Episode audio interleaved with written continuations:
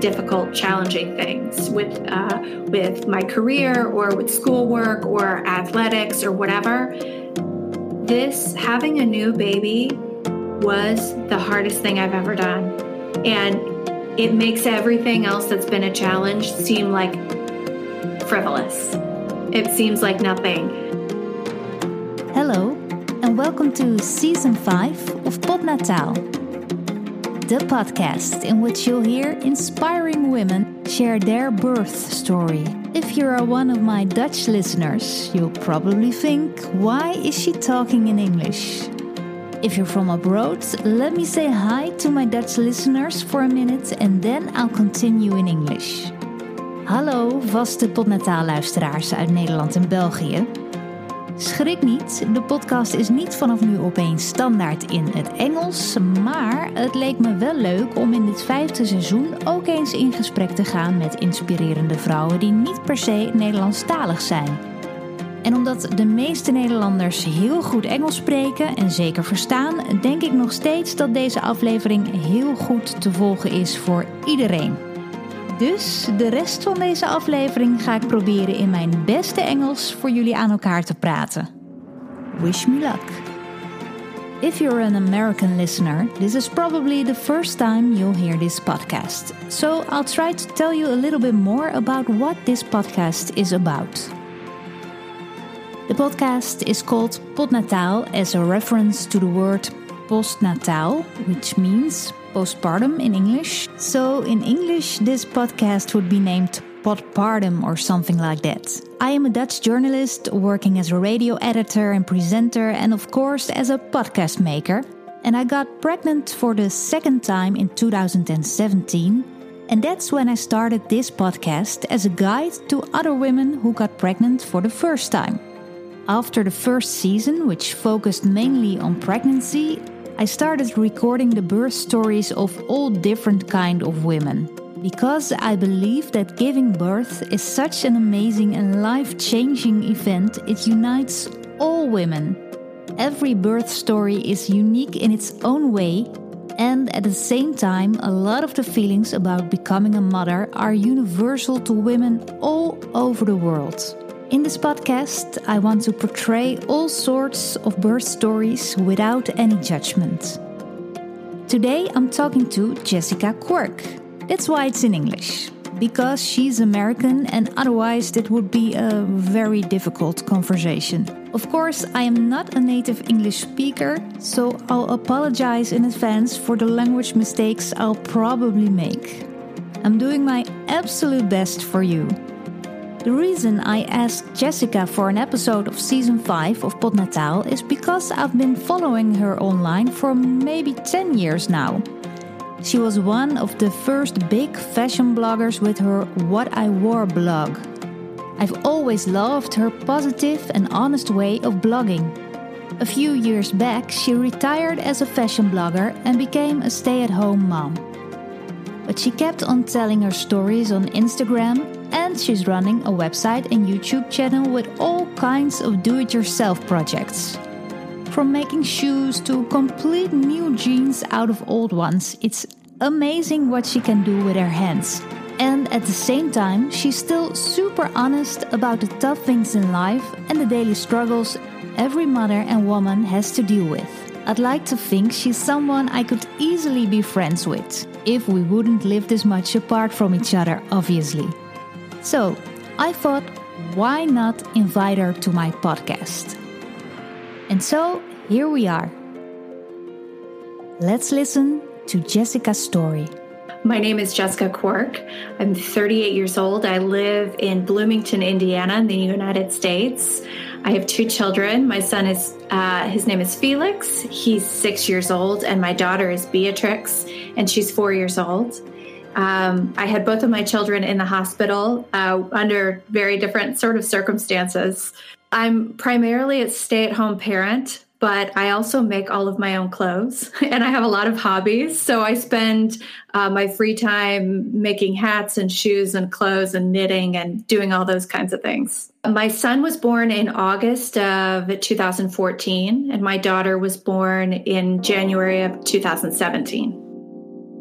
We look back at her first childbirth. She remembers how it started. Oh, well, I knew I was in labor, I think, because leading up to labor, I had contractions for probably a month, maybe, just getting my body used to having the real contractions. Um, and every time I would do something to see if they would stop. So the day my son was born, or when I went into labor, because it was quite long, it was longer than a day, um, I went for a walk and it was raining.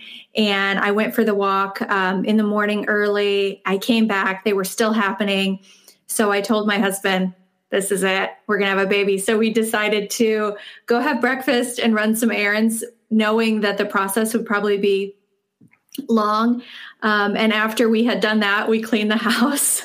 Um, and it was probably about four hours later that I called my doula. Uh, I'm not sure if you have doulas there, but it's a woman who assists a mother um, in an emotional sort of way as she prepares to give birth. So we called her and she came over, and it was pretty clear I was in labor. Her doula arrives and does a lot of the timing of the contractions. She also gives Jessica suggestions in things that might make her more comfortable. I remember my husband was wearing a green t shirt, and I just kept like my forehead on his chest, um, sort of like hugging and swaying. Um, she gave the suggestion that I maybe get into the bathtub and see how that went. Um, and at that point, my contractions were really pretty strong. And I actually lived maybe a two minute walk from the hospital, but we decided to drive over. Um, I planned to deliver my baby with a midwife. So she's who I saw for the duration of my pregnancy. And that's where she delivered babies. Um, so I checked in. I uh, had my exam to see how dilated I was, which was pretty far along. I, I feel like maybe it was five centimeters. And the nurse said, We're going to have a baby by dinner. And everyone was very excited. And uh, my plan going into it was to have a natural uh, medication free delivery. So, uh, why, why things, was that? What, what, what did you think that was important to you? Well, um, I read a lot of books prior to having my baby. I read a lot of birth stories, and there's a midwife in the U.S. Her name is Ina May, and um, I, I, think that's her name, Ina May Garden, maybe. Um, it's been a while for me, but mm-hmm. um, I read her books and I felt really confident that it was something I could do. I was excited about it. Um, I was an athlete as a younger woman, a runner, and I'm a very willful person. And I thought, uh, I, I really had a lot of confidence that I could deliver Felix um, without doing any sort of intervention. Working with a midwife and using little to no interventions is not very common in the United States, not the way it is in Holland at least. Well, I'm in a unique community. I'm in kind of a bubble uh, where a lot of people are very forward thinking. Um, it's a college town, so I mean, the idea of eating organic food and breastfeeding and raising chickens and having a natural home birth, that's actually quite popular where I live. Um, but the state or maybe the country as a whole, um, people just make the plan to set their birthday, have an induction, and have a baby. So um, I actually went into labor on my due date which is something that is also not very common. No. Um, and something you can't plan at all. right. I know. Yeah, you can't. Um, but that's why I was also very excited because I thought, okay, I'm having this baby. Um, so I get to the hospital. Things are looking great. Like I said, the nurse, everyone was excited because it seemed like this baby was ready to come, and I felt really strong. And um, and then things changed and um, i i progressed to the point where i could push the baby out but um, he was not coming out um, so we tried a lot of different things um, they typically say no babies in the bathtubs but my midwife was like let's just see. Let's just see how this goes. Because um, it wasn't a birthing pool, it was just a regular bathtub. Um, but no luck there.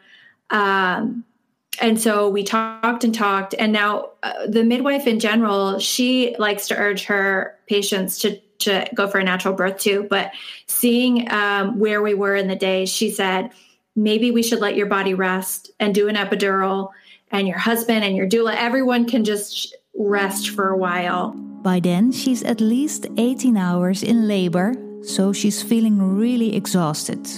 Despite trying everything, the baby won't come out. Although she did got to the point where she may try to push him out.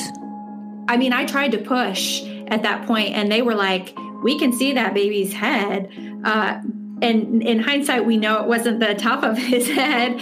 Um, so for 18 hours, and I pushed. Actually, no, I'm having a lot of recovered memories. I pushed for three hours, and that baby wasn't coming. Oh my God! Um, oh, with, with, an epidural a, or without?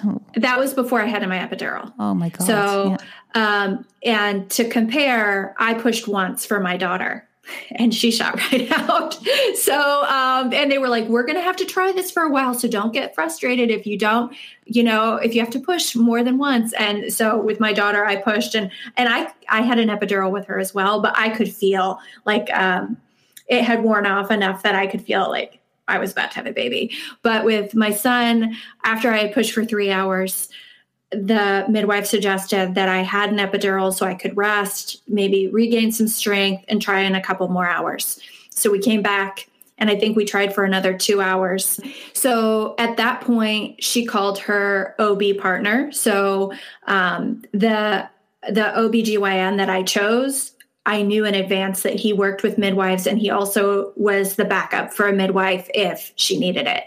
Um, so so the decision was made to call him in and he said okay uh, we can try these other sort of mechanical options to have a vaginal birth um, and they may not work and we may have to do a cesarean and my husband and i talked about it and in the end we decided to do the cesarean which was a, a huge disappointment for me and it took me a long time to grieve, and get over because I really tried so hard to have this natural birth. It feels like a big disappointment to Jessica. This wasn't at all how she pictured it. At that time, she didn't really knew why her baby had difficulties to come out.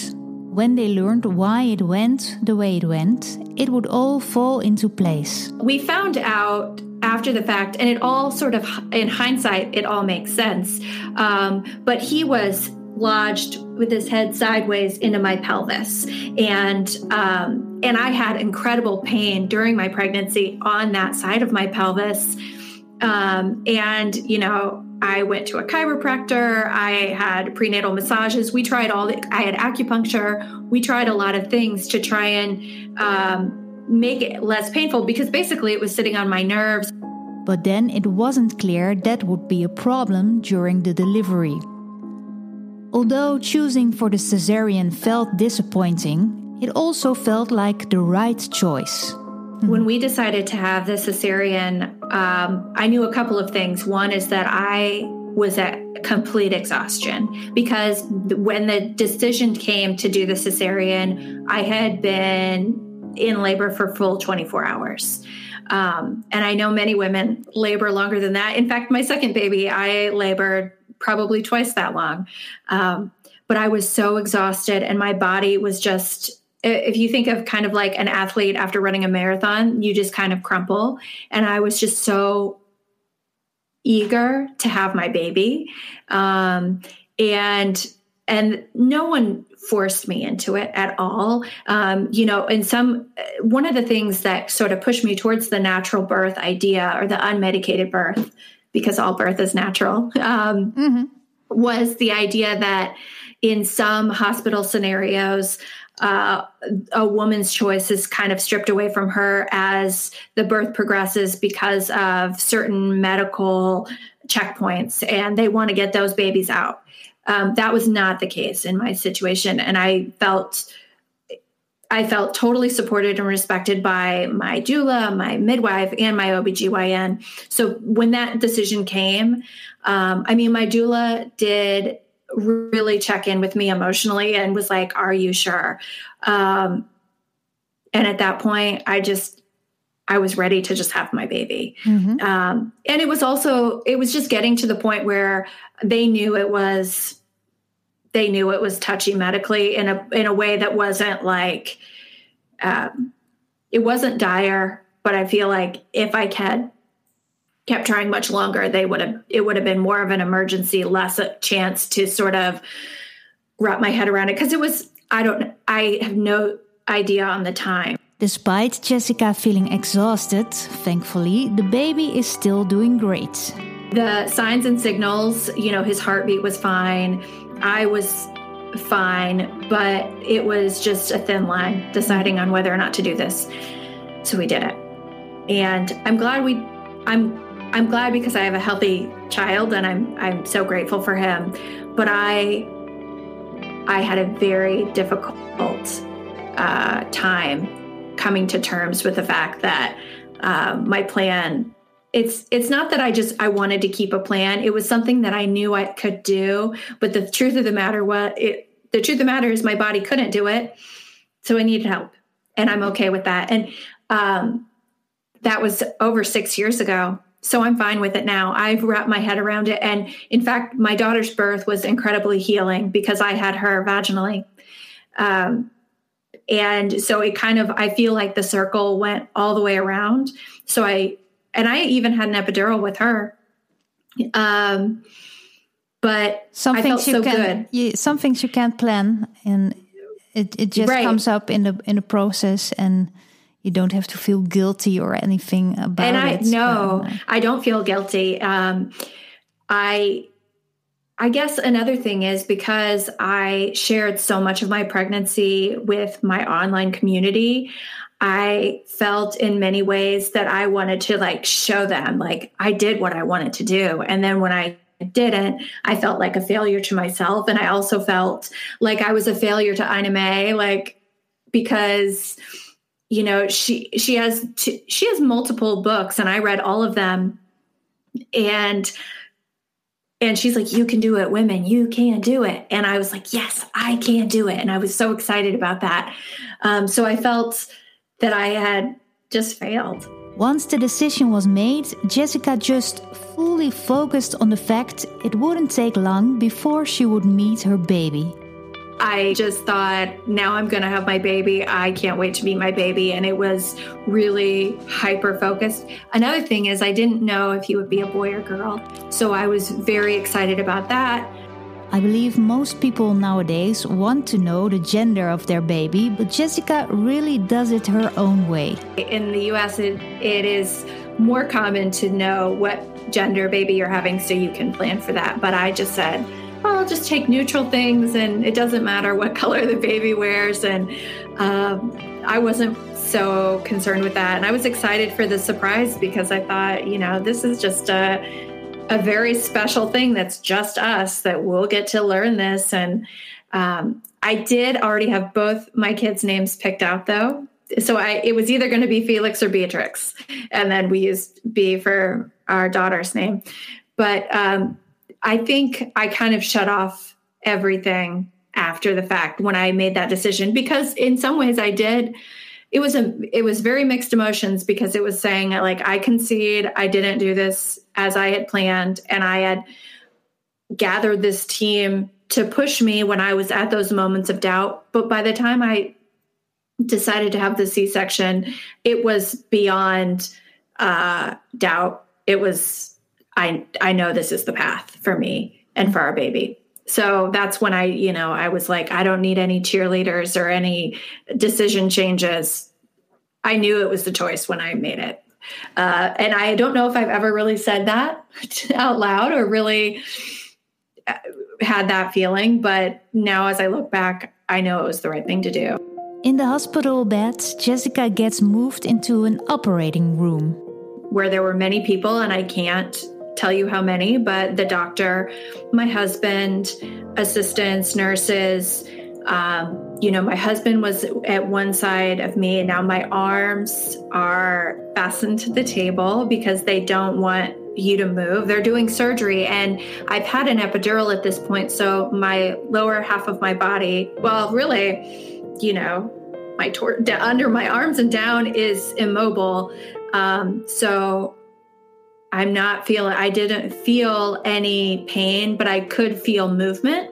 So I could feel when they were really like moving my baby around to get him out, but I couldn't feel anything else. While the doctors are getting her baby out, Jessica looks at her husband. He was very emotional. I was less emotional, I was more excited.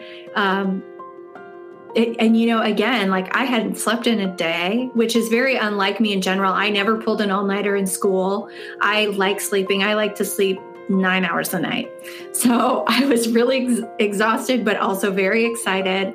Um, so when the baby was born, I'm pretty sure the doctor had Adam look over and see that it that he was a boy, and said he said something like 10 fingers, 10 toes. Um, and then they took uh, they took him directly over to a sort of table area where they could clear his lungs, and um, and then they eventually got him to cry. But it it was like a it was a beat. Like it took a while. Uh, you know, I had never attended a birth before I gave birth, so my most of my understanding of it is sort of fictionalized through TVs or movies, or even uh, you know, we have a show in America uh, that I watched when I was younger about like my delivery day or my b- baby's birthday or whatever. So I I watch those shows, and it's funny because before I had babies, I would watch and absorb so many things around the birth process, and since having babies, I don't I don't like read birth stories. I and I consume them so much before. But why is so, that then? Well, why why why don't you like it anymore? Because it's well, not not the not the right uh, portrait of it, or what's? No, I don't think it has anything to do with that. I I think it's because I know my family is complete and I don't plan on having any more children. Um, so I don't I don't really want to fantasize about other scenarios of giving birth because mine are done. They're written you know, or they're they've happened. They're they're the way they are. So I I guess in some ways, I mean, surely after I had Felix and I was so sort of sad about the process, I didn't want to compare it just because I thought I would be more sad or jealous or feel cheated. She definitely pictured her first birth differently. In her birth plan, she wrote she wanted to go skin to skin with her baby directly and that she would leave the umbilical cord for as long as possible.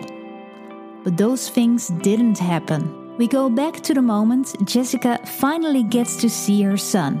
Well, I didn't get to hold him, but they put him right next to me, and I could only kind of look at him, but he only had one eye open. I remember that. And I thought he was a very beautiful baby. Um, he really was so, such a beautiful child. I'm his mom, but that makes me a little emotional thinking of, you know, his one eye open.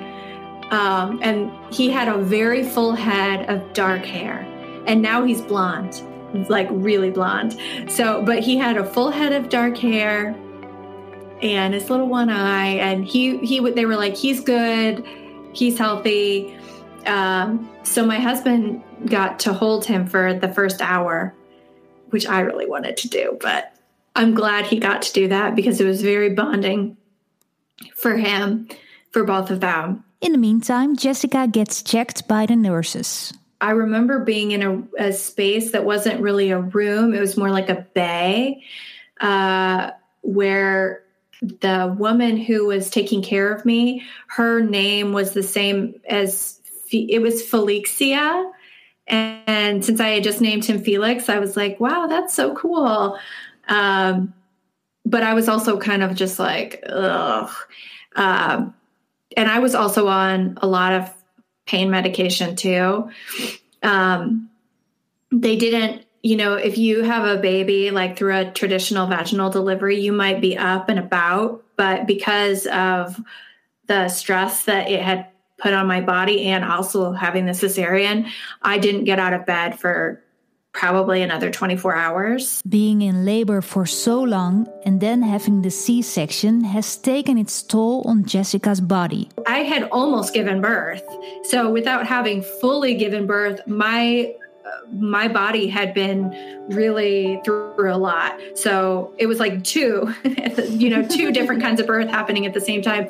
And even the nurses were like, oh, wow, honey, you've really, this is like, you know, when they were get, examining me, they were like, ooh. I was like, okay, great. Um, I don't remember a whole lot. I remember that we uh, we did call our parents that morning, but I was so excited. It was so hard to sleep, and after having the baby, I realized in hindsight how sleep deprived I was to a to an extreme where it was torturous, really, and how that really messed with my head. Because her newborn son is doing great, he can stay with her in her hospital room. But if you need a little sleep, one of the nurses will take the baby for a couple hours overnight. But you do have a nurse checking on you every two hours. So you're not getting any kind of real sleep.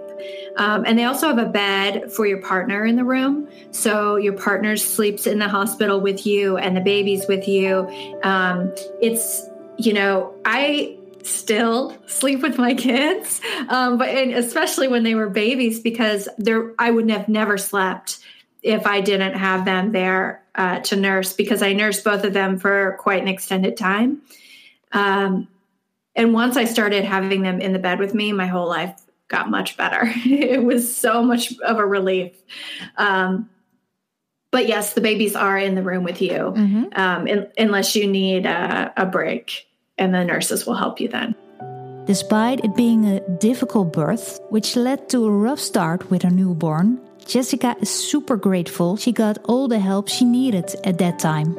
I'm really grateful for modern medicine because I know that in my situation 100 years ago or even further into the past, I would not be around and neither would my son mm-hmm. um, because it was, you know, I'm just really grateful that the help was there that I needed. And also, I also am I'm quite small hipped, and my mm-hmm. son was quite big. Mm-hmm. So in hindsight, you're like, yes, I had a, a big baby that I just could. He was not going to come through, no matter what. I personally feel very related to Jessica's story because her birth story is very similar to mine. And that's not all. We've both struggled with mastitis, mastitis of een borstontsteking in Dutch. I don't know if this is medically true or not, but when you deliver a baby vaginally, your your body goes through all of these hormonal uh, indications that tell your brain start producing breast milk. again. um, I my body just wasn't starting out like it should have uh, to nurse a really hungry baby. So we had uh, we used donor milk uh, from uh, women who donate breast milk through a system of a tube that we put uh, next to my breast uh, with a like a nursing shield on top of it. So the baby was like at the breast but it was it wasn't my breast milk. And in the meantime i was using a breast pump to try and stimulate my body to produce breast milk. So uh, that was the first week of being home with the baby was waking up warming the milk getting set up. And when you're breastfeeding it's so easy to just uh, put a baby on your boob. Um, but this was this whole uh, circus of getting you know the baby set up. Now my hospital did have and does have really amazing lactation consultants and nurses that really try and help you with all of those things. Um, so eventually it got to the point where I had enough breast milk that I could feed my son, but he was also so weirdly in my body and you know his his little face went through a lot. Um, his latch was just not very good. Um, so I had a lot of pain when I was breastfeeding. And it got to the point where I had developed mastitis, but without a lot of symptoms that typically go along with it. So, when you have an infection, you might be very nauseous, you might have a lot of redness, but I didn't have those things. So, I didn't think I had mastitis. And I would call my doctor and just say, Oh, this is miserable. Um, and it got to the point uh, where I called my midwife and she said, All right, meet me at the hospital and I'll have a look. Um, because it was on a Sunday and the regular office wasn't open. And, and she's like, Well, oh. maybe we should uh, just wait and see. And I said, I'm not leaving the hospital. And how many days after giving birth was that? That was actually about eight weeks after giving birth. Okay. So I had been struggling with nursing so it was very difficult and very painful. And so I had developed an abscess uh, very close to where my son would latch. And it was it was very terrible. And I was in the hospital for five days. I eventually had surgery where they drained it. Um, but I was fully put, I had full anesthesia. Um, so my so we were staying in the maternity wing of the hospital where my husband could be the baby was because i was nursing i didn't want to give him formula because i had gone through the process of having the c-section that i didn't want and i really wanted to breastfeed him so i i i just was like i'm going to keep doing this so having had surgery and it the you know chemicals or whatever wearing off enough that i could nurse him and they gave him donor milk while i was in the hospital too but the long story short of that is that I had a drain in the wound where the abscess was. Um, and, you know, a drain is meant to keep uh, fluid from collecting in your body. And I was lactating. So breast milk came out of that drain constantly. Like constantly, I was just losing I mean, I would put uh, maxi pads in my bra to soak up the milk, and I would have to change them every like two or three hours because that's how much breast milk was coming out of that drain. And at the same time, the the doctors and nurses wanted me to keep nursing. Oh. It was hell. Uh-huh. It was so bad. Um, but I did figure out how to nurse him. Um, we did get into a routine and one day he pulled the drain out. It was maybe a month later. He just, he was nursing and he just yanked it out.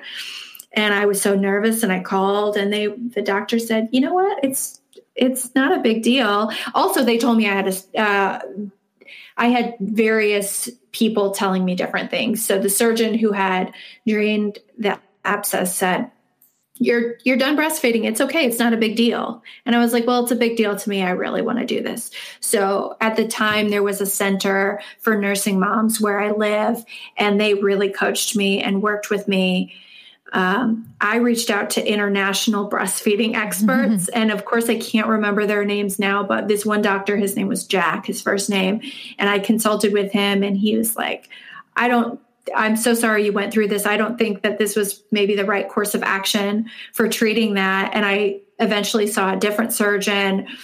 And um, the cool thing is that that wound, after the drain had been taken out, it continued to leak breast milk until tissue built back. And then um, it just closed up. And then I went on to nurse for another year after that. Wow. So mm-hmm. it was, uh, and that, and I. And I you was, never had a, a mastitis again after after no. that. No, I probably had some.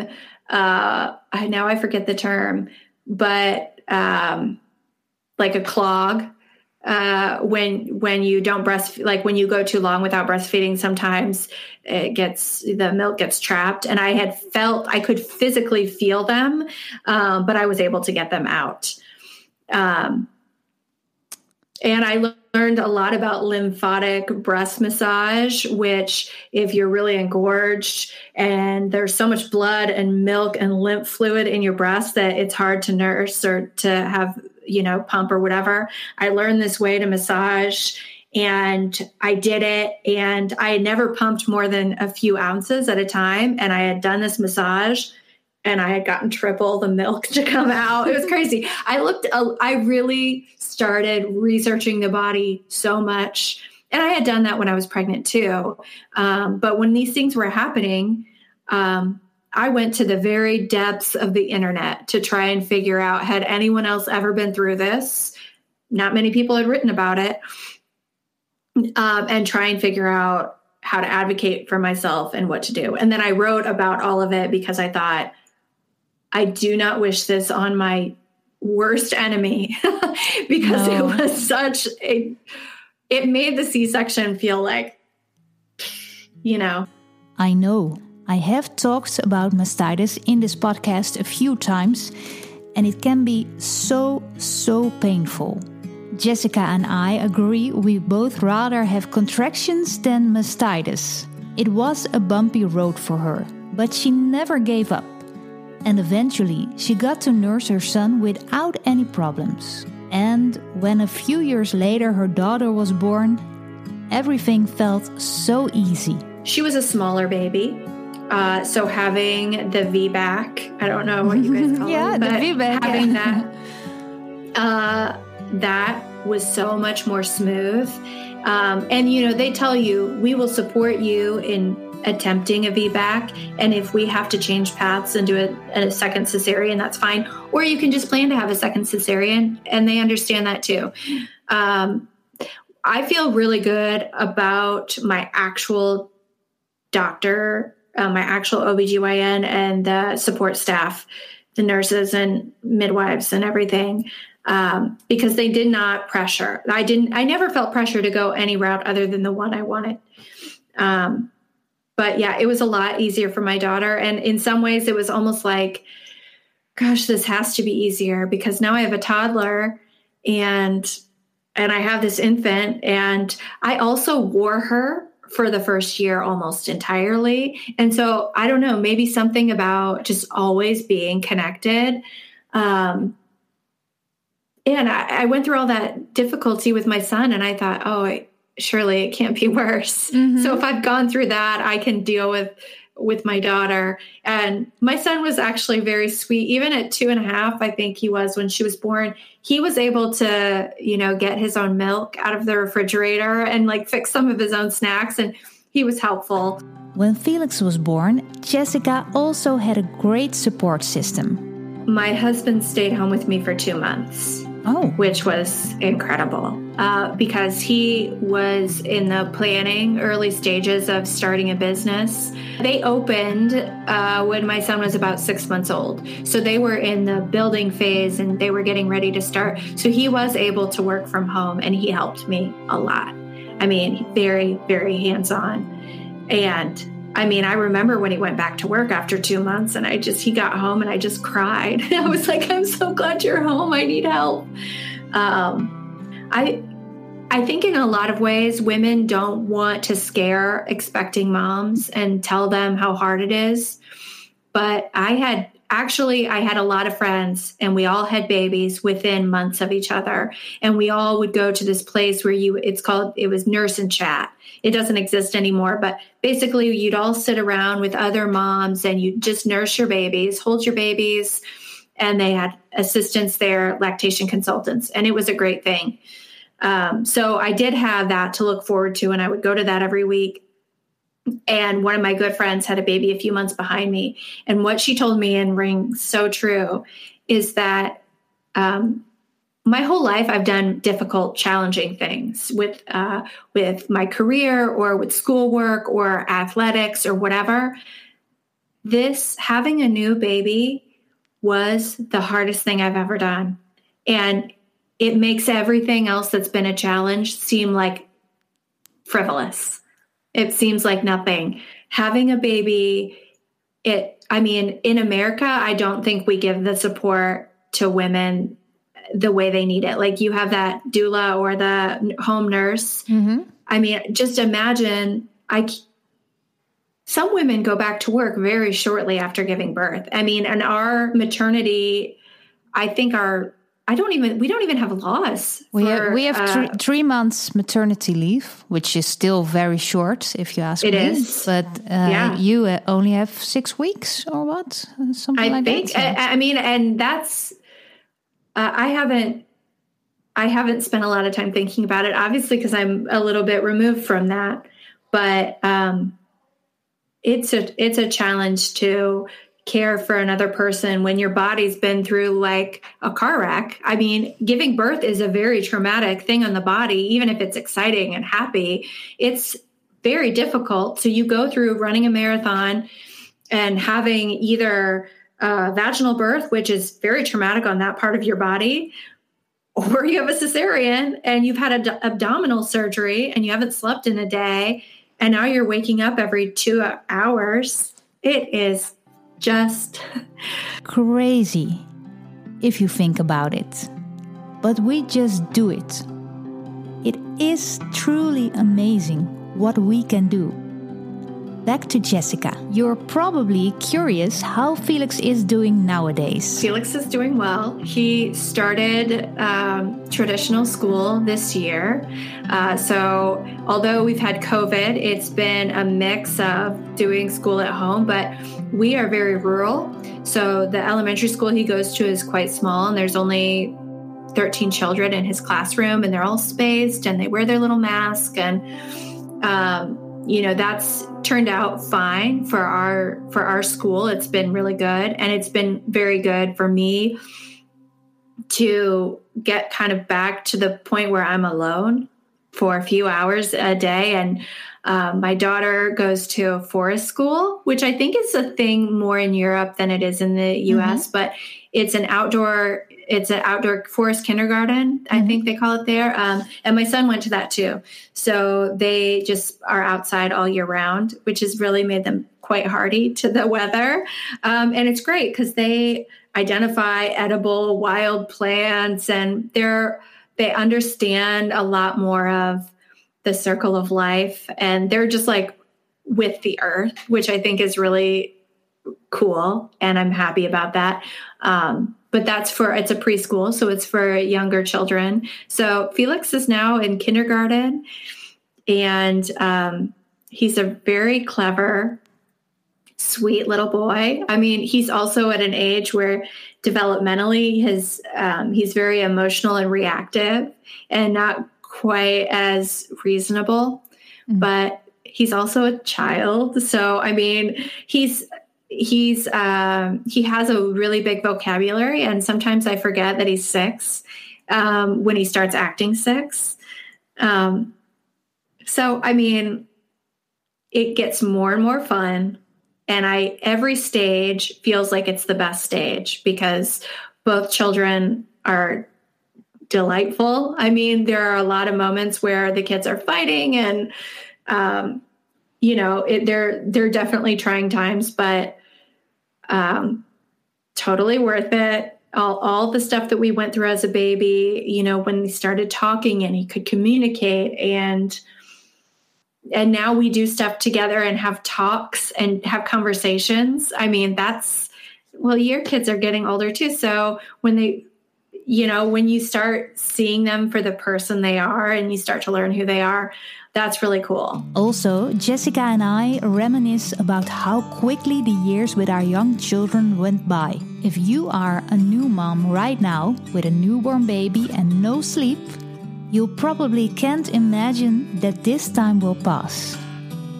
But it does. So, so quickly.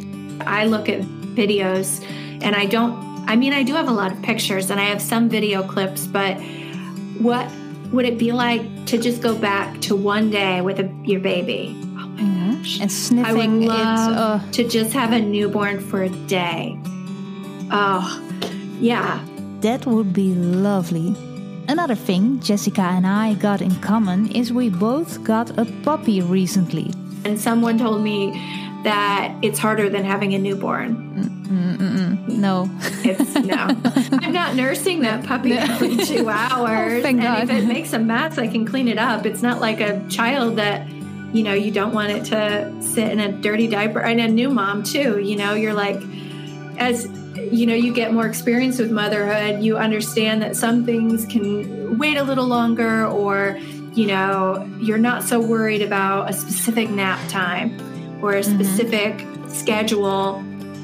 And then, you know, now my kids are off naps And our bedtime is pretty consistent, but I'm a very laid back mom. And I kind of just, my kids want to eat pizza for breakfast. Okay. Like, I, I just really kind of go with it. And that kind of also goes into that schooling idea of like, you want to climb a tree?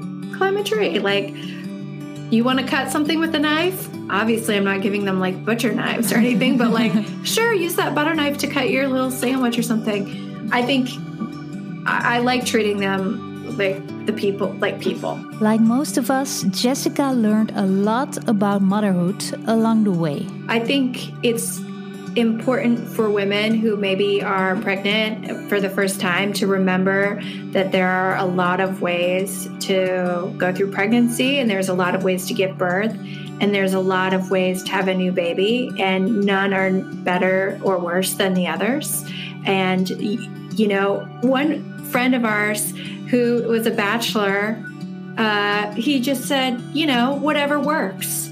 Like whatever works and so, you know, my kids took a bath yesterday at two in the afternoon or something. Whatever works, like you know, what whatever makes um, the most people happy in a family is just the right thing to do. So, um, I think that's important because I was very dead set on this very, you know, hippie sort of natural sort of plan for pregnancy and for birth and for you know young motherhood. And you know i cloth diapered my babies.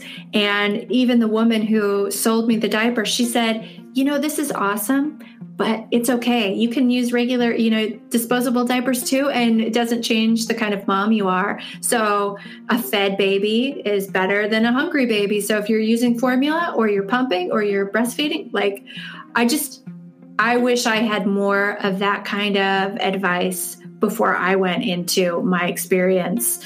And so I want to make sure that other women know that there's a lot of different ways to go through it. Um, and ultimately, I mean, you end up having this little amazing little person that becomes part of your family. And yeah, every all the lessons are worth learning, even if they're hard at the time. Thank you for listening to Jessica's story. If you like this podcast, please hop over to my Instagram accounts at Simone Wijnands underscore or at Podnataal and let me know what you think. It is a difficult Dutch name, so you can find the links in the show notes. You can also leave a 5 star review on iTunes if you'd like. Podnataal is available on every podcast platform, so go to your favorite podcast app to listen to other episodes and be sure to subscribe so that you'll never miss another episode. Thank you for listening. Until next time. Doei!